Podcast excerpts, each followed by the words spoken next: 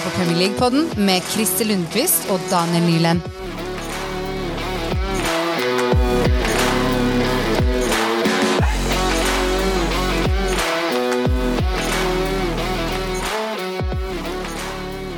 Hei og velkommen til andre episode av Premier League-podden sin VM-spesial. Opprinnelig er vi en podkast som oppsummerer ukas viktigste nyheter fra Premier League, men nå skal det handle om VM.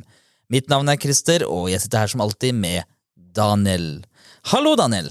Hei, Christer. Hvordan går det med din, din moralske kompass?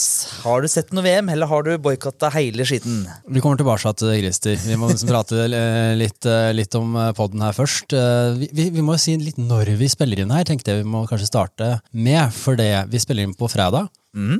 og det er jo da to grupper som ikke er ferdig spilt. Ja, det, det stemmer. Det er eh, grupp, de to siste gruppene, ja. Mm, Ja, Brasil, så, er, blant annet. så det vi prater om her, da, da kan det jo være ting som skjer i de to siste gruppene og sånn, som ikke vi får prate om i dag. Det stemmer nok. Men tilbake til spørsmålet du stilte meg. Ja, det, ja. Hva, hvordan går det? Skal Hvordan er eh, moralen din? Nå skal jeg uh, ta en confession. Jeg har med vilje valgt å ikke si noe til deg oh, ja? før akkurat nå. Ja, nå er jeg spent. Ok. Eh, Da VM starta, Ja. Kjente jeg avsmak. Jeg hadde liksom ikke lyst til å se no- eh, Det var ingenting i meg som hadde egentlig lyst til å se noe. Med gjestearbeidersakene, eh, tildeling av korrupsjon, VM i et land uten fotballtradisjon. At VM er på vinteren, sikkert spiller inn på alt det her. Det er jo en lang liste på ting, men så kommer de liksom oppå det her i tillegg, så er det det med åssen tilskuere har blitt behandla, journalister har blitt behandla så langt. Det var mye greier. Og Infantino med sin tale, for eksempel, også, det ga ikke eh, mersmak, det heller.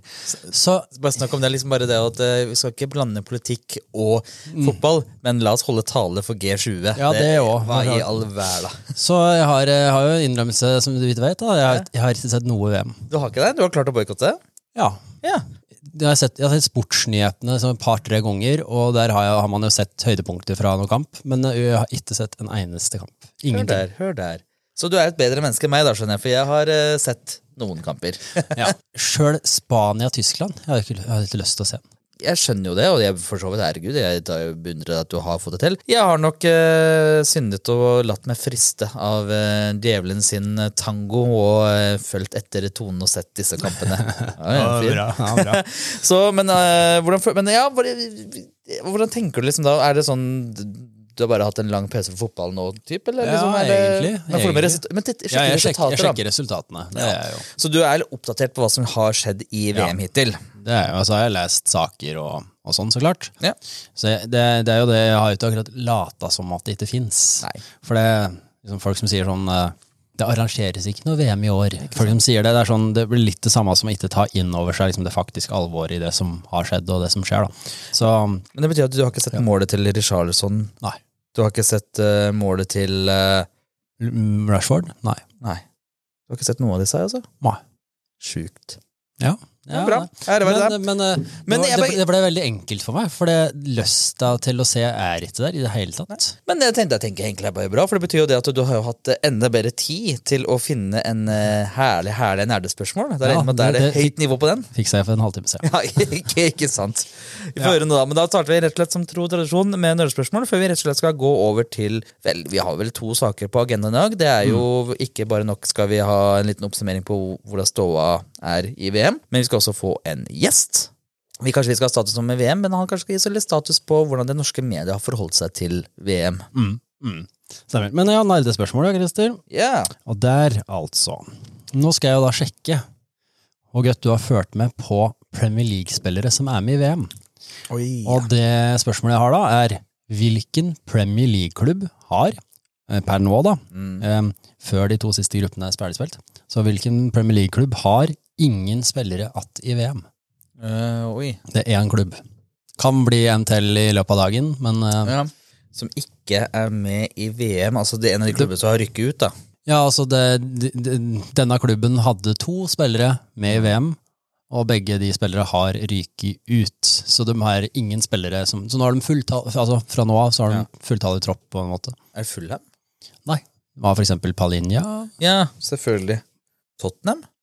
Eh, De har ganske mange briter, eksempel. Richarlison har de. Ja, det er hva er det jeg driver med, hva er det jeg driver og sier? Det er en klubb som er, eh, Um, er eh, eh, bunn fem. Bunn fem. Eh, Nei, altså ikke akkurat nå, men eh, sånn du tenker deg, eh, er det en klubb som kommer til å være i nedrykksstriden? Brentford? Nei. Det er Danmark røyk ut, så det ikke har eh, Ra Raja, Oh, ja, Raja, ja. spansk. Men herregud, hvilken klubb kan dette her være, da? Det er På riktig bokstav, da. Brighton? Nei. De har McAllister, for eksempel, i Argentina. Ja, ja, ja, det er sant. Mest argentinske navnet i hele VM. McAllister. Det, sier, det navnet bare sier ose historie av en flyktningsland, for, eller politiske flyktninger. Ja. Mm, det som skal være ned i Hva i Nede i sumpa. Ja. De har overprestert så langt. De har akkurat fått seg en Bournemouth, da. Bournemouth, det er helt riktig, vet du. De har eh, to spillere som er fra Wales, som var med i VM. Ikke sant. Og. Wales har jo ryket ut, og det, de to spillere er jo da Kiefer Moore og Metham. Men, Metham. Så der, eh, de har ingen spillere igjen i Ja. VM. Nå har Ja. de ryker ut, så da er det men det er vel bra for dem, men de som kjemper mot uh, nedrykk, så ingenting er bedre å få Mel Moore har jo skåret noen par mål, så det, Ja, mer kan det. bli, si. det, det Moore, Kiefer Moore, plutselig gamle vikingspilleren, vel? Ja, det mente jeg jeg fikk med meg at han har jo spilt Viking, ja. Ja, jeg lurer på det. Kan det ha vært i Nei, det kan jeg ikke. Glem det. Ja. Jeg tenkte om det var da Hodgson var det, men det, det er nok for lenge siden. Eh, ja, antagelig mest sannsynlig. Vi begynner å bli eldre, vi òg. Det er yngre Gerde nå som driver og spiller fotball. Det stemmer nok, det. Men når med den eh, lille susere av en, uh, av en nerdespørsmål laget for en halvtime siden, så, så tenker vi kan like godt bare gå til eh, første sak, eller si ukas gjest.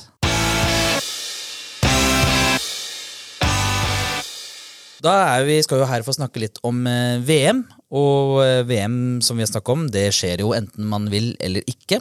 Men det som man kanskje kan ha styrt under VM, det er jo hvordan eh, Hvordan blir egentlig VM dekket? Hvordan snakker vi om VM? Hvordan skal vi forholde oss til VM? Det er jo de store spørsmålene som mange spør om, og mange diskusjoner eller mange har diskusjoner rundt. Og i den sammenheng, vi er jo ikke akkurat eksperter for så vidt, vi. Vi er mer observatører, som jeg pleier å si, Daniel. Så har vi jo fått tak i en som er en såkalt, eh, ja, kan vi kanskje si ekspert på litt tema, iallfall en som har uttalt seg i temaet, og det er en Ole Kristian Sandvik, som er da en talsmann for Norsk supporterallianse, Vålerenga supporter og en uttalt kritiker av VM i Qatar. Hallo, Ole Kristian. God dagen. Velkommen til oss. Så fint at du ville kunne komme hit og ville snakke litt om eh, VM. Du er, ikke lei av å snakke om temaet ennå? Eh, For å være ærlig, eh, så er jeg, jeg er nok litt lei. Men eh, det er fordi det går veldig mye i VM til tider. Men sånn er det. Ja, så Det skjønner jeg veldig godt, men jeg er veldig glad for at du unner deg tid til å komme litt på vår lille podkast. Men jeg tenkte først så vil jeg gjerne høre litt, for det, det er jo ikke nødvendigvis alle som har så stålkontroll på hva Norsk supporterallianse egentlig er for noe, så kanskje du kunne gjerne ut, starte med å utdype litt hva deres funksjon og rolle er? Ja, eh, Norsk supporterallianse er eh, rett og slett en eh, interesseorganisasjon eller paraplyorganisasjon for norske supporterklubber innenfor idretten fotball. Da er liksom sånn Vi har store medlemmer sånn som Klanen, Bataljonen, Kjernen, og så har vi mindre medlemmer fra nedover i divisjonen også. Mm. Så hos oss er alle velkomne. Og så tenkte vi å høre nå, sjøl selv om du er litt lei av å prate om eh, VM, så, så har vi jo noen spørsmål her da, om, om VM. Så nå jo, har jo VM vart i eh, ca. to uker, og det er jo visse medier som, har, eh, som er rettighetshavere her. Eh, TV 2 og NRK deler jo på det. Så vi lurte på om du hadde noen tanker om åssen eh, de, særlig de to, men også andre store norske medier, har dekket VM så langt. Om, eh, de har jo lovet at de skal være kritiske, men har de på en måte vært nok kritiske? Eh, Ja, hvis, hvis vi tar litt sånn lange linjer, da. VM ble tildelt i 2010. Mm. I 2012 så kjøpte NRK og TV 2 rettighetene til både Qatar-VM, men også VM i Russland i 2018. Og det var vel ingen tvil om at eh, i 2012 så, så ikke NRK og TV 2 for seg å drive så mye kritisk journalistikk som det de har gjort eh, i år. Altså, rettighetshavere innenfor sport er jo stort sett en heiagjeng. Du ser jo det når eh, normalt OL eller når TV 2 hadde Premier League, så var det liksom eh, De skulle selge rettigheter og selge abonnementer hele tiden. Mm. Eh, og det skjedde et skifte, da. Eh, og det skjedde sånn i starten av 2021, og det var nok pga. den boikottdebatten vi hadde i Norge, Ja. hvor plutselig NRK og TV 2 begynte å drive veldig eh, mye kritisk journalistikk. Og jeg syns eh, fra boikottdebatten startet og til i dag, så har de store mediehusene gjort en ganske god jobb eh, med å drive kritisk journalistikk, og de, jeg syns de har gjort det under VM også. Og Det er egentlig veldig positivt, og jeg tror det har vært et sånn paradigmeskifte innenfor sportsjournalistikk som vi kommer til å se framover også, ikke bare under Qatar-VM. Mm. I at man er også opptatt av liksom det som skjer rundt og på bakrommet, da, ikke bare det som skjer på banen eller i løypa eller i hallen eller hvilken idrett det skal være. Ja, og så er det Supportere har jo på en måte med eh, boikottdebatten og, og alt, alt, av saker som har vært kritiske, og alt av nyheter og avsløringer da, som har kommet, så har vel supportere kanskje blitt mer, eh, mer liksom, observante og mer, blitt mer oppmerksomme da, på på at det faktisk det, det, går an å være kritisk, og da må kanskje media òg følge etter. Ja, øh, og så tror jeg også det liksom Du ser jo når NRK TV 2 sender ned ikke bare sportsjournalister, men de sender jo ned andre som jobber normalt med utenrikssaker og sånt, mm. så viser jo at de tar jo det her på alvor, og det er jo bra. og Det som er litt spesielt, da, er jo at på ene siden så driver jo spesielt NRK TV 2, med kritisk journalistikk. Og jeg tror det gjør at liksom, veldig mange får en sånn vond smak i munnen av dette VM-et. Men samtidig så er det jo rettighetshavere, og de skal jo selge abonnementer, så de står jo i en spagat.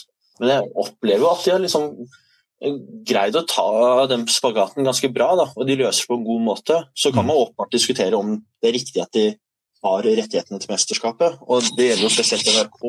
Mm. Så vil det jo komme en diskusjon mest sannsynlig om det er riktig at NRK skal bruke veldig store pengesummer på sånne store mesterskap når de er finansiert av skattepengene. Mm, sant, sant. Du har vel uttalt om altså det er boikott som har vært mye prat om i NSA, særlig at norske, norske landslag vel skulle boikotte, var vel det dere ville. Har du, du, har du sett VM? Nei, jeg har ikke sett VM. Nei, Du boikotter, ja? Ja, jeg boikotter også kampene. Det er jo rett og slett fordi jeg ikke vil legitimere mesterskapet. Og jeg har troen på forbrukermakten. Mm. Man ser jo nå i Norge, man ser det i eh, Tyskland spesielt, at det er langt færre som ser på mesterskapet normalt. Eh, så man må ta litt høyde for at det er en annen årstid og sånt, men det er nok en betydelig andel som lar være å se mesterskapet fordi de ikke har lyst til å liksom, Dette VM er ikke noe som eh, er en del av det de ønsker å ta en del av. Da. Og det vil nok få litt betydning framover, både på liksom, rettigheter framover, men det er liksom ja. Mm. Forbrukermakt er liksom det enkleste middelet vi som forbrukere kan benytte oss av. Da. Uh, så ja. Ja, jeg syns jo det var uh, interessant, for jeg så uh, Fotballfesten kom ut med en, med en post på sosiale medier der de endelig hadde fylt opp en telt, eller begynte å bli fullt. da. Så det viser seg det at det har jo slitt med å få nok tilskuere til disse arrangementene sine, de som har på Kontraskjæret og Youngstorget i Oslo. Da blir jo jeg litt sånn nysgjerrig, for det, eh, det, er jo ingen tvil om at det har jo vært en baktanke for Qatar å ha VM. Det er ikke bare for fotballens skyld, det er jo om det er hvitvasking eller om det var en soft, Sportsvasking, ja. ja. Sportsvasking, ja, beklager. Eller om det er soft power, eller hva, man, eh, hva enn man kaller det. Men har det vært et vellykka VM for Qatar hittil? Altså Har det gått slik de ønsket det skulle gå? Da må man stille seg spørsmålet eh, hva de ønsket. da. Og Det sies jo da at eh, Qatar ønsket både fotball-VM, men de har jo arrangert utallige andre VM-er eh, tidligere i alle andre idretter, nærmest, eh, mm. bl.a. friidrett. Bl.a. fordi de er redd for at Saudi-Arabia skal invadere Qatar. Ja. Fordi det er jo ganske ondt blod mellom Qatar og Saudi-Arabia, og Qatar er jo et ganske lite land nede i mm. Gulfen der. Hvis du ser på det som at Qatar har fått veldig mye medieoppmerksomhet nå eh, i hele verden, og det gjør at terskelen for å invadere Qatar har økt, så ja, så er det et vellykket VM. I Vesten så har det jo vært veldig mye kritisk journalistikk, eh, også i land som ikke nødvendigvis har hatt en boikottdebatt. Det gjelder jo liksom på journalister som eh, ikke får lov til å filme her og der, på supportere som kanskje er betalt for å heie på England når de egentlig er fra Bangladesh osv. Der er nok ikke like vellykket som det de håpet på. Men uh, jeg tror nok Qatar sånn i store og hele er fornøyd med VM, og at de fikk VM, og at de viste at de greide å arrangere VM. Og så ser man jo også at vi som har liksom vært en del av den boikottdebatten i offentligheten, uh, får jo høre veldig ofte sånn og dere unner ikke liksom, muslimer å arrangere VM og liksom sånne eh, de sier basically at vi er rasister, da, vi som ønsker å boikotte Qatar-VM. Og man ser jo sånn, eh, at liksom alle land som er arabiske eller muslimske eh, land, de har et samhold da, når det kommer til Qatar-VM som man kanskje ikke forventet det skulle være nødvendigvis. Så Sånn sett så har de jo også lykkes med å samle liksom, hele regionen rundt mesterskapet sitt. Jeg tror nok det er litt sånn delt, men jeg tror nok de er fornøyde. I, I, sammenheng med det der, altså, har jeg jo lest litt her og der eh, på fora og eh, kommentarfelt og sånn, eh, for det neste VM skal jo avholdes blant annet i USA. Da er det jo en del som skriver det at Vesten kommer til å være hyklerske da, og ikke fordømme USA med tanke på hvor mange liv de har på samvittigheten da, i krigsdeltakelse og, og sånn. Altså, det er litt sånn whataboutism, kanskje, men det, det er jo litt forståelig òg, da, at, at den kritikken Qatar får nå mest sannsynlig ikke kommer til å være når det gjelder USA. da. Ja, jeg, På mange måter forstår jeg jo uh, den derre Og hvorfor sier det fra når det er et muslimsk land som arrangerer, ikke mm. når det er et kristent land eller noe sånt. Og man burde nok eh, vært, reagert mye mer når Russland arrangerte VM. Ja, absolutt. Uh, Russland og Qatar fikk jo VM samtidig under andre idretter som OL og i Kina osv. Men det, det, som er spesielt, er at det er jo fotballsupportere først og fremst som har liksom, eh, vært eh, de som har startet denne boikottdebatten. Og du har jo ingen andre idretter hvor, hvor man liksom har organiserte supportere på samme måte. Du ser jo ikke det i langrenn at du liksom har supporterklubber som reiser verden rundt. Eh, du har liksom noen heiagjenger for enkeltutøvere, men det er ikke helt det samme. Det er ikke organisert på samme måte. Mm. Og så tror jeg det er veldig lett å glemme at grunnen til at veldig mange er for boikott av Qatar-VM, er jo ikke i seg selv alle menneskerettighetsbruddene eh, landet begår. Det er jo fordi fotballen har bidratt til lidelse. ikke sant? Mm, det er ganske mange menneskerettighetsbrudd for at vi skal arrangere VM-et. Det, det, ja. det, er nok forskjellen mellom Qatar og USA, uten at jeg liksom skal eh, friskmelde USA på noen selvs måte. Så jeg vil komme til å være kritisk til USA, Canada, Mexico hvis jeg finner ut at eh, de hvis fotballen der fører til lidelse. Mm. Enn så lenge så vet jeg ikke om noe, men det kommer sikkert fram i lyset om noen år. da. Ja, Det er kanskje det er lettere å være kritisk med noen man ser sånn direkte håndfast metall kontra indirekte, der du vet at ja, landet har eh, svin på skogen og gjort sitt, men som du sier, det har ikke helt direkte sammenheng med selve arrangementet. Det er jo et veldig godt poeng, det. Så må man også stille seg spørsmålet hva er det eh, fotballen skal bry seg om, da? Jeg, jo, jeg tror liksom at uh, fotballen kan gjøre veldig mye gode endringer her i verden, men jeg har mistet troen på at de store mesterskapene kan gjøre det. Jeg tror hvis man greier å få liksom fotballen til å være en sånn grasrotgreie i veldig mange land, så kan det bidra til endring og forsoning. Altså, mm. Du ser jo det på fotballbanen på Norway Cup, da, hvor mye det betyr for, land, nei, for spillere fra liksom, land som sliter, og fra Palestina osv. å komme og spille fotball og den gleden de viser. Og Det er jo det man ønsker at toppfotballen også skal være. Eh, så mm. jeg tror nok litt sånn De store mesterskapene greier ikke å endre verden, men hvis man greier å ha litt sånn langsiktige prosjekter på grasrota, sånn som NFF bl.a. har hatt i Vietnam, da, så kan man greie å få fotballen til å endre verden til det bedre. Men mm. det betyr ikke at fotballen skal liksom være sånn Ok, nå arrangerer vi VM i et land som sliter med menneskerettigheter fordi vi skal uh, endre verden og gjøre liksom, dette landet til et sånn perfekt eh, land i form av menneskerettigheter og sånt. da. Jeg lurer faktisk på om Infantino faktisk har kommet en uttalelse om akkurat det, hvordan eh, at det burde være i, eh, i, fattige land, eller land som sliter med flyktninger, for da vil ikke folk flykte så mye hvis VM ble arrangert der. Det tror jeg faktisk han har uttalt. Det forundrer meg ikke. Men apropos det da, og det du nevnte, nevnte Ole Kristian veien videre da, for, altså, for VM og, og, Fifa, det er jo Man mister jo litt trua på på en måte den internasjonale fotballen eh, sånn organisatorisk, da, med, med hvordan Infantino og Fifa driver korrupsjonsanklager og folk som sitter i fengsel pga. korrupsjon osv. Hvordan ser du framtida for, for, VM da, og storfotballen sånn internasjonalt? internasjonalt? Det, altså, det er på en måte to grunner da, til at jeg var veldig opptatt av Eh, boikott av Qatar-VM. Det ene var det jeg var inne på, at fotballen ikke skal føre til lidelse. Det andre var jo eh, egentlig det mer langsiktige, og det er at eh, man skal eh, endre Fifa og endre eh, toppfotballen, den internasjonale toppfotballen. da? Jeg mener jo fotballen har tatt eh, steg i feil retning i veldig mange år. Du ser det i liksom Premier League, hvor mange klubber er det ikke som er eid av sånn Saudi-Arabia, Qatar, Emiratene osv., som gjør det ganske bra. da. Hvordan man skal endre Fifa, jeg er litt usikker. Man har jo startet nå, da. Vi startet boikottdebatten i Norge. Eh, fikk ikke til en boikott i Norge, men man har fått endret NFF, hvor NFF har gått fra å eh, jobbe for at Infantino skal bli president, til å være veldig kritiske til Infantino. NFF er nå kanskje det mest progressive landet i Fifa. Og de jobber med å få med seg flere andre land. Du ser Danmark eh, reagerte veldig på Fifa eh, når de ikke fikk bruke kapteinspinnet. Mm. Tyskland det samme osv. Og, det er jo Europa det er jo ikke så veldig mange stemmer i Fifa, redd formelt, men det er utrolig mye makt i Europa, for det er her alle pengene ligger. sånn alle investeringer er jo i Europa. Saudi-Arabia kjøper jo ikke opp et lag i Argentina, for å si det sånn. Eh, så jeg tror hvis man jobber langsiktig, så kan man få til endringer i eh, Fifa. Men jeg tror ikke det bare er fotballen internt som må jobbe. Jeg tror myndighetene må, må komme på banen. Man så det i 2015 når FBI etterforska disse Fifa-toppene for korrupsjon. Mm. Fordi det hadde gått penger via amerikanske banker, så kunne FBI drive etterforskning.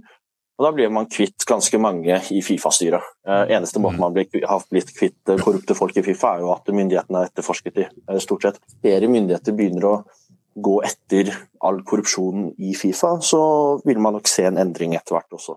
Ja, for vi håper det, for at Infantino er jo nå den, Han skal jo stille til igjen som presidentvalg, og det er jo uten motstand. og Det er jo ikke et godt tegn, det.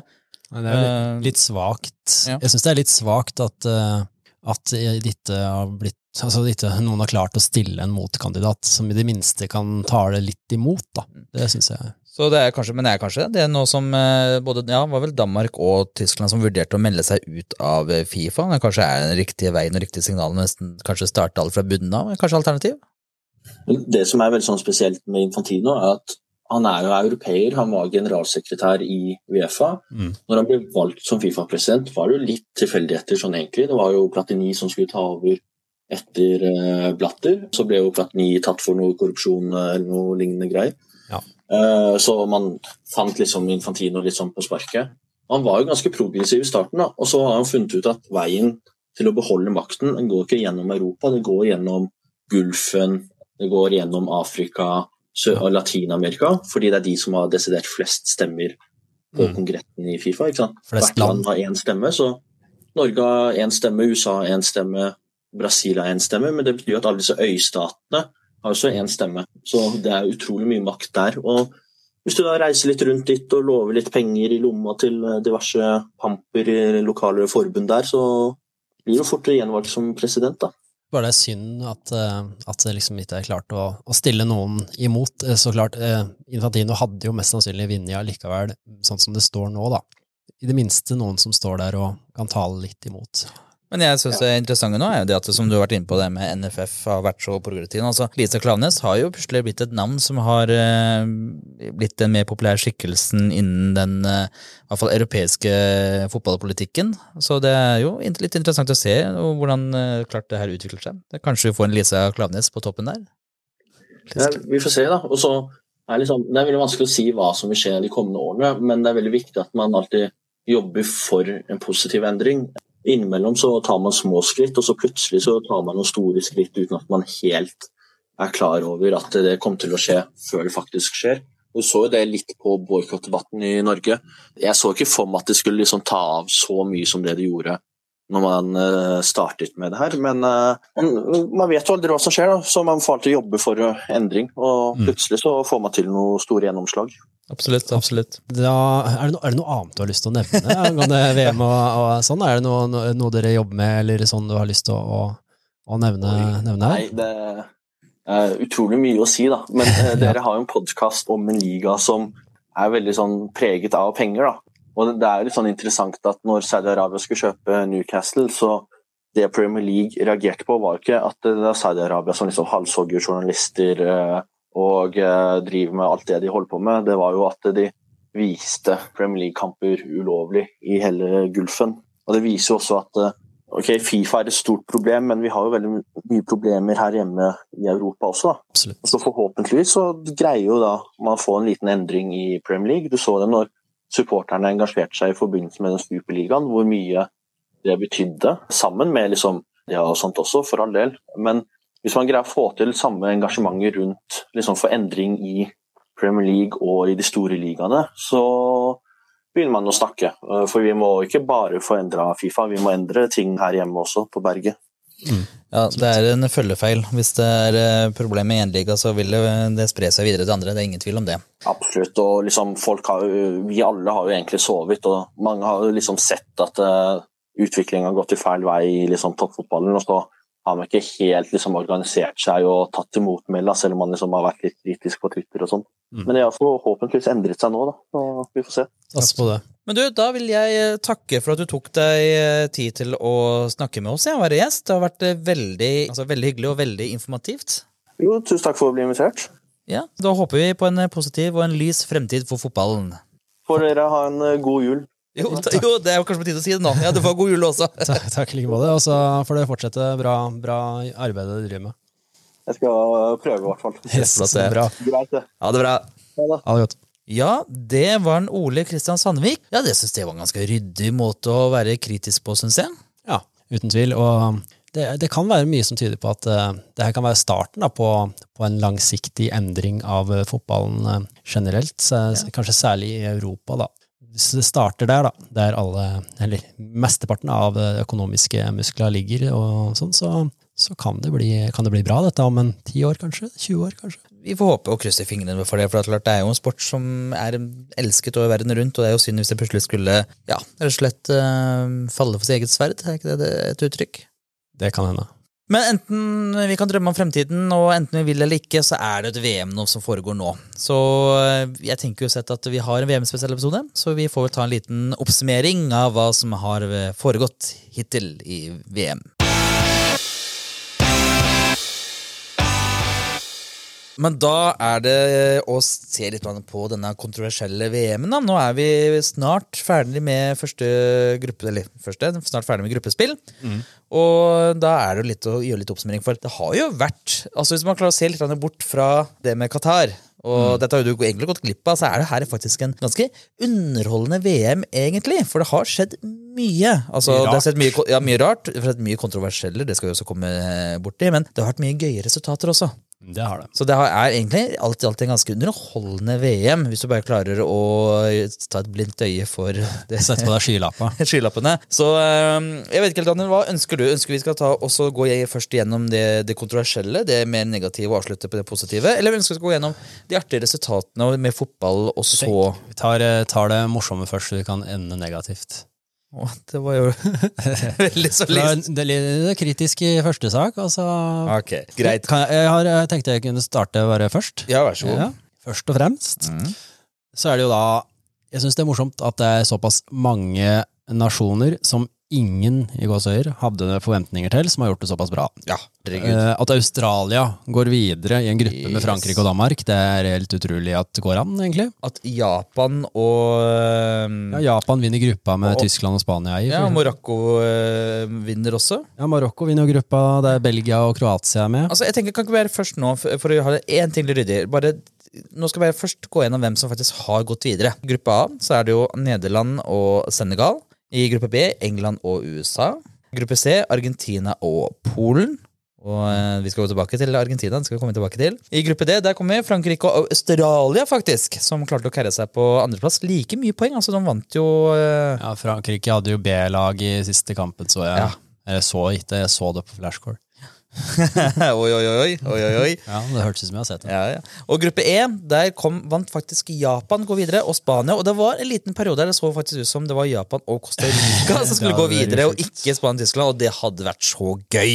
Det er nesten ut synd at det endte med at eh, Spania klarte å utligne. Nei, Mm. at eh, Tyskland klarte å vinne. Det var det som Og gjorde. Costa Rica, ja. Mm. Og i gruppe F så er det Marokko og Kroatia, der Belgia, så bittert som er, klarte å ikke komme seg videre. Den uh, gylne generasjonen er vel kanskje ikke så gyllen lenger. Den ser litt sånn rusten ut. Blast, kanskje. Ja, litt, uh, litt, begynner å bli en litt gammel generasjon. Mm. Og så venter vi nå egentlig på gruppe G og H. Der gruppe G ser ut som Brasil har vel for så vidt kvalifisert, seg, og det er vel egentlig i praksis da kampen om andreplass som står mellom Ja, Sveits, Kamerun og Serbia. Det er vel Brasil og Portugal er alt videre, vel. Ja, så er det ø, i gruppe H så står det egentlig da mellom ja, Det er ganske åpne grupper, da, så at den som kommer på andreplass i gruppe H og G, er jo faktisk åpne ennå, så det er litt spennende å se, da. Det er det. Jeg har en ting til eh, med tanke på ting, altså for, eh, lag som går videre. da. Det er jo da Marokko, som vi nevnte, eh, som vinner gruppa der. Og i tillegg så er jo Senegal, Senegal videre. Er og Ghana har jo nå mulighet til å gå videre òg. Mm. Og Kamerun for så vidt òg, men de har jo Brasil i siste kamp, så vi får se hvor mye Brasil ligger i den kampen. Men det er altså to afrikanske land videre til sekstendels, og det kan bli fire som går videre. Det, er veldig- syns jeg er veldig artig. Kanskje E2 hadde rett, at det blir en afrikansk finale? Tviler, tviler på det. Men, eh, men eh, så er det jo da Ghana. Vi spiller jo inn nå mens Ghana møter Uruguay. Og der hadde det vært artig om eh, Ghana hadde fått en revansj eh, for det besmedelige tapet da, i semifinalen i Nei, semifinalen, hører du? Eh, I kvartfinalen, da, i 2010. Jeg kan si det nå at nå er det snart uh, halvveis spilt, og Ghana ligger under 2-0. Da blir det Uruguay som går videre der, ja. og jeg, det er nå 1-1 mellom Portugal og uh, Sør-Korea. Ja. Ja ja, det var- gikk det for Ghana denne gangen heller. Men uh, Ghana, ja, Ghana var jo veldig veldig nær da en semifinale i 2010 i eh, Sør-Afrika. Det var jo Suárez da, som hensa på streken, så det ble straffekonk, og Ghana røyk ut der. Så det, det tipper at det er mange ghanesere som hadde håpet på en revansj der, men det ser jo stygt ut nå. Ja. Han angrer tydeligvis ikke på den hensen for det har blitt- tatt opp da, i forkant av den kampen her. Ja, ja, ja. ja. Danmark føler jeg burde nevne noe om. Ja, det- Ekstremt skuffende. Ett poeng, sisteplass i gruppa. Jeg hadde jo litt mer troa på at uh, altså, at jeg, Du sa jo Danmark uh... Ja, jeg meldte oss som en, sånn liten svart hest, det, men det var uh, Det var søvlete. ja. Ja. Jeg hadde Uruguay som dark horse, vel, hvis jeg husker riktig? Ja, det hadde jeg. Nei, jeg hadde, jeg hadde et lag, ikke en dark horse til å vinne, men et lag som kanskje kan gjøre det bra, I alle fall. Nei, altså, både Belgia, Tyskland og Danmark har Ja, jo skuffa her. Også eh, Belgia uh, Gedigen skuffelse. Ja, altså. der ble det jo med en gang kampen ble avklart, så ble det jo Martinez. Enten om han sa opp eller ble sparka, er ikke godt å si. Han, vel, han sa vel òg at dette VM-et kom til å bli hans siste uansett, men det han vunnet i VM plutselig, så det er jo ikke sikkert. Ja, ja, ja. Det kan godt hende. Men uh, han ble nå avsparka, og det var flere som også fikk uh, konsekvenser ut av VM, og det gjør det alltid. Og det er jo Tata Martino, treneren for Mexico. Eh, Ja. Mexico gikk ikke videre, så da ble det arbeidsforholdet avsluttet. Det var vel på hengende håret, det òg. De har vel kom eventuelt på fire poeng, og det gjorde jo Polen òg, så det er ganske jevnt der. Ja, Men det er nådeløs, den sporten, altså. Det er jo det. Ja, og Tyskland, der er det vel nok en eh, oppvask som skal skje etter VM her, når de har Det to mislykka VM på rad der de har ryket ut i gruppespillet. Det sa de også for så vidt eh, etter Russland også, men ja, nei, jeg vet ikke hva som er problemet med Tyskland. Men det er, det er vel en generasjonsskifte som ikke har vært så vellykka. At man kanskje har har mange gode spillere på midtbana, føler jeg. Men jeg tror ikke de, jeg virker ikke som egentlig de har liksom sluppet inn de unge talentene så gradvis inn som de kanskje burde ha gjort. At de har latt Kanskje. sin lit på de eldre gubbene litt for lenge.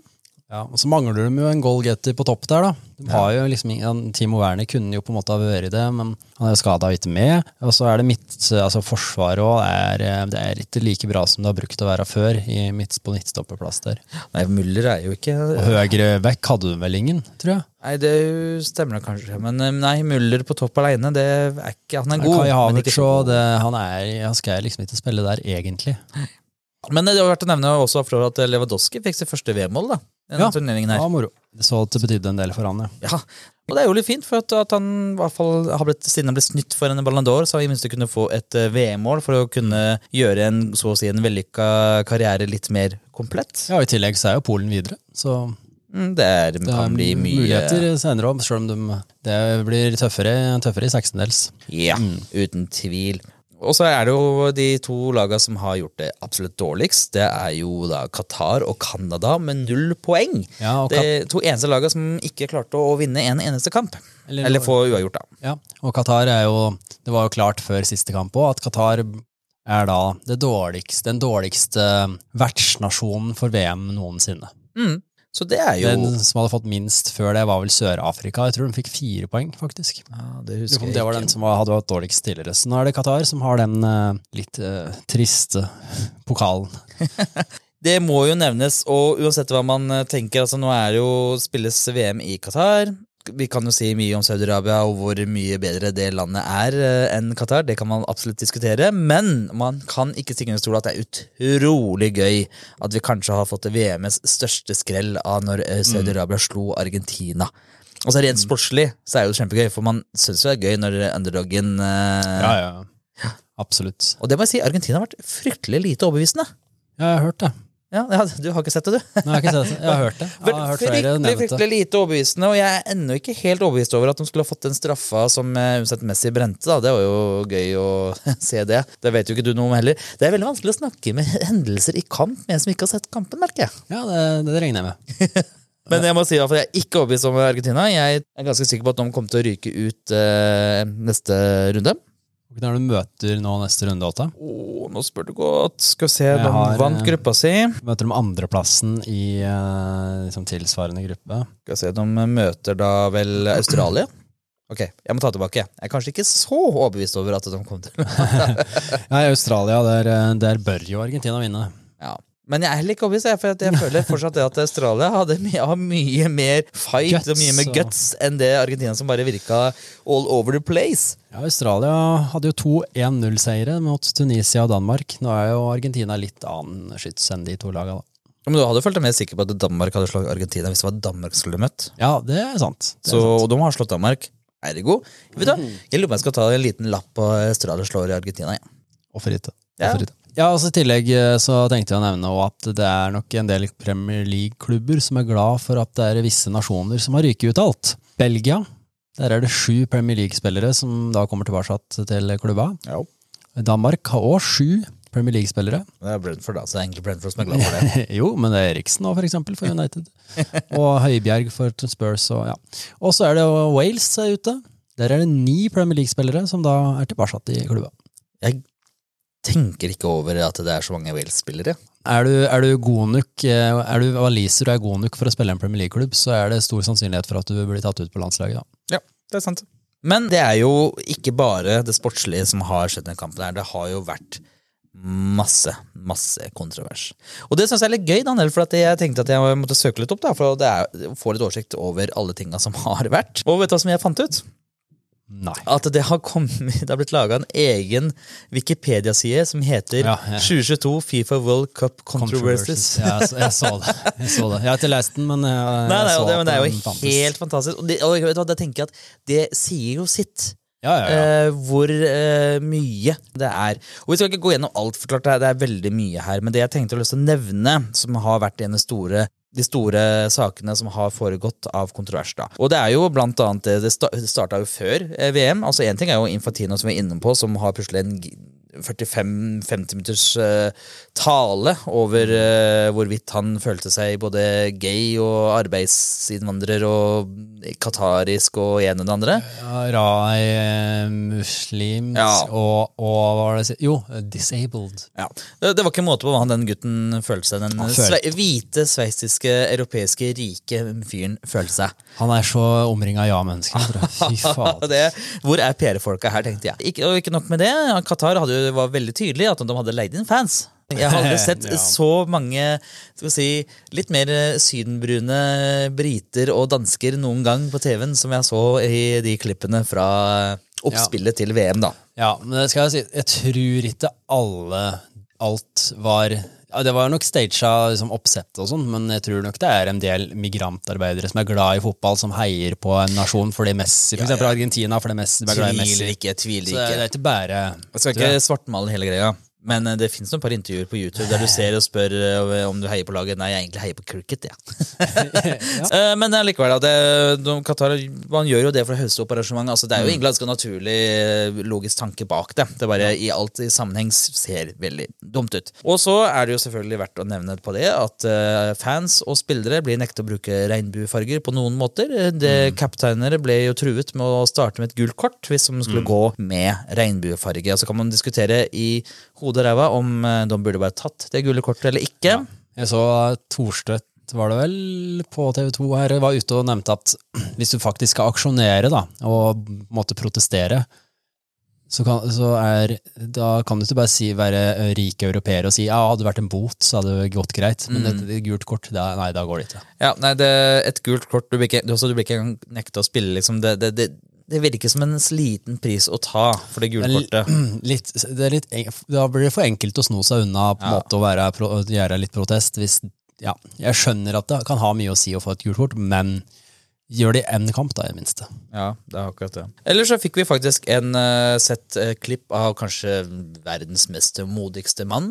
En viss italiener som jeg tror heter Mario, jeg er litt usikker. Som uh, tok da og løp ut på banen med både regnbueflagg og Save Ukraina og iranske kvinner på T-skjorta mens det er over banen. Og det syns jeg er, er faktisk veldig modig. Har gått, gått bra, tror jeg, men han endte jo både med applaus og det ene og det andre fra publikum, da, så det er jo godt å se, da. Tror en del sikkerhetspersonell er som mista jobben den dagen. det, det er fullt mulig. Fullt mulig. Og det er jo bare eh, en av de få Toppen få- av isberget. Ja, ja, ja. Vi har jo alt fra alkoholnekt i nærheten av områder, og det er Jeg har sett uh, kløpp fra de der, de der telt... Ja. eh, De der eh, fire... Nei, hva heter det? Hva heter den der festivalgreia som var så fire, uh, Fire Festival? Ja, det er noe som heter Fire nei, Festival. ja. Fire, ja.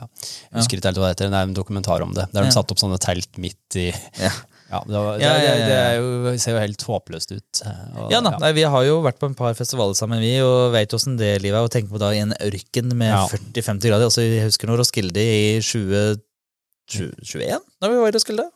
2021. 20, 2009, Christer. 2009, å ja, sånn, så det, å ja, vi er ikke, vi er ikke eldre, nei. Men eh, Så det unner jeg jo ingen. Men uansett, det, det var jo i hvert fall bare å nevne noe av kontroversene. Ja. Og jeg vet ikke helt om vi skal gå så mer uh, i dybden. Jeg føler det her oppsummerer jo litt. Eh, Men før vi avslutter etter eh, Du har i hvert fall sett resultatene. Mm. Og du har jo fått med deg uh, sikkert snakk om hvem som har gjort det bra, hvem som har gjort det dårlig. Mm. Hvem tror du vinner VM nå? Nei, jeg sa jo Brasil før VM starta. Og jeg holder nok fortsatt en liten knapp på Brasil, men Frankrike òg, kanskje.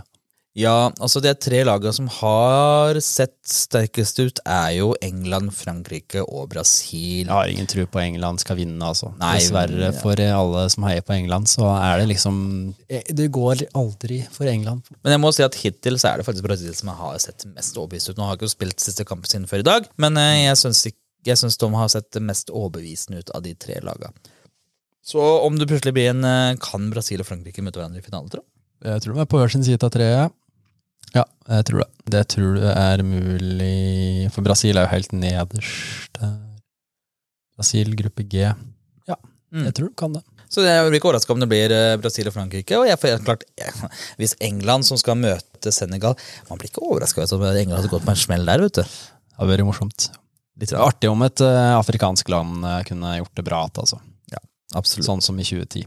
Det får se. Det her var da en liten eh, bonusepisode av eh, Premier League-potten som rett og slett eh, oppsummerte litt av eh, VM. Og i neste episode så vil vi nok oppsummere litt, eller i hvert fall ta og snakke litt om hvordan VM endte, og eventuelt nye kontroverser som kom i der. Men da kommer vi også til å ha litt mer fokus og se mot Premier League. For det har jo faktisk skjedd noen nyheter nå i mellomtida som vi sparer til da. Ja. Så eh, fram til da så får dere bare kose dere, og har du noen tips, har du noen råd, har du noen anbefalinger, ta kontakt med oss på Instagram, for der heter vi, PL-podden med to d-er. Og det var det. Og da er det bare å si vi snakkes! Gjøres.